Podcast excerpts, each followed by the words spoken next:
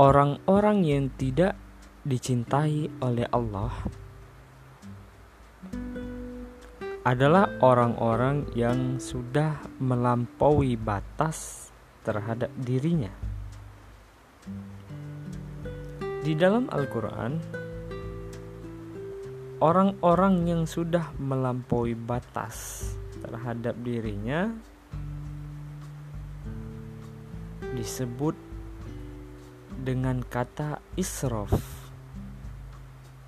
dan pelakunya disebut dengan al-musrifun.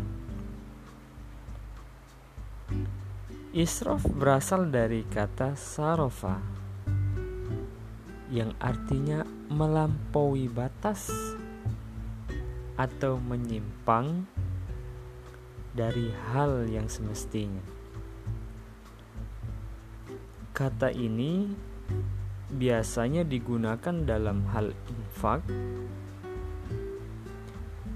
Berlebih-lebihan dalam berinfak meskipun kemudian diperluaskan pemaknaannya pemakaiannya untuk setiap perbuatan yang dilakukan manusia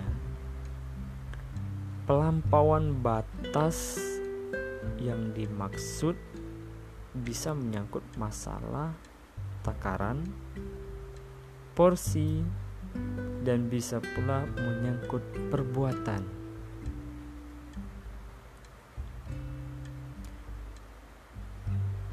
Ruang lingkup isrob itu sangatlah luas.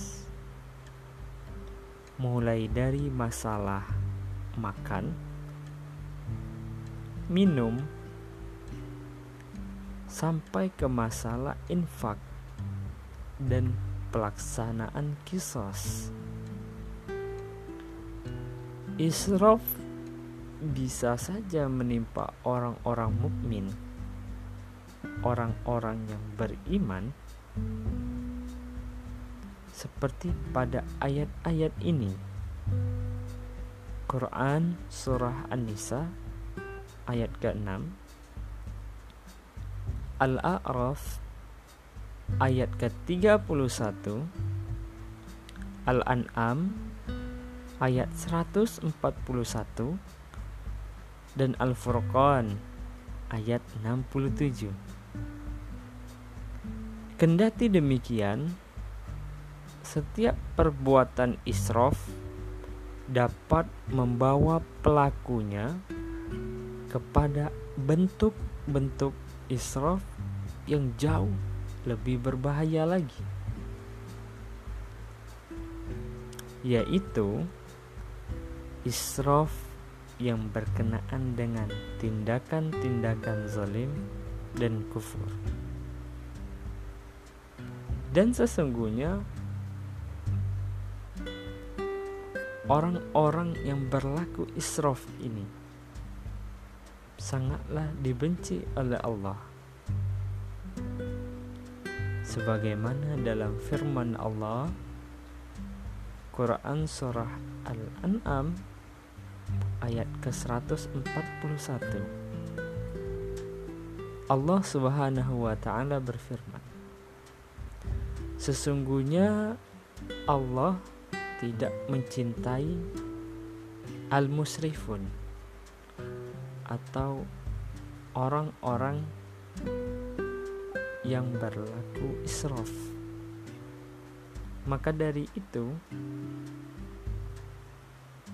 setelah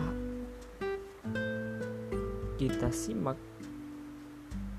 beberapa kutipan kata tadi, maka kita simpulkan bahwasannya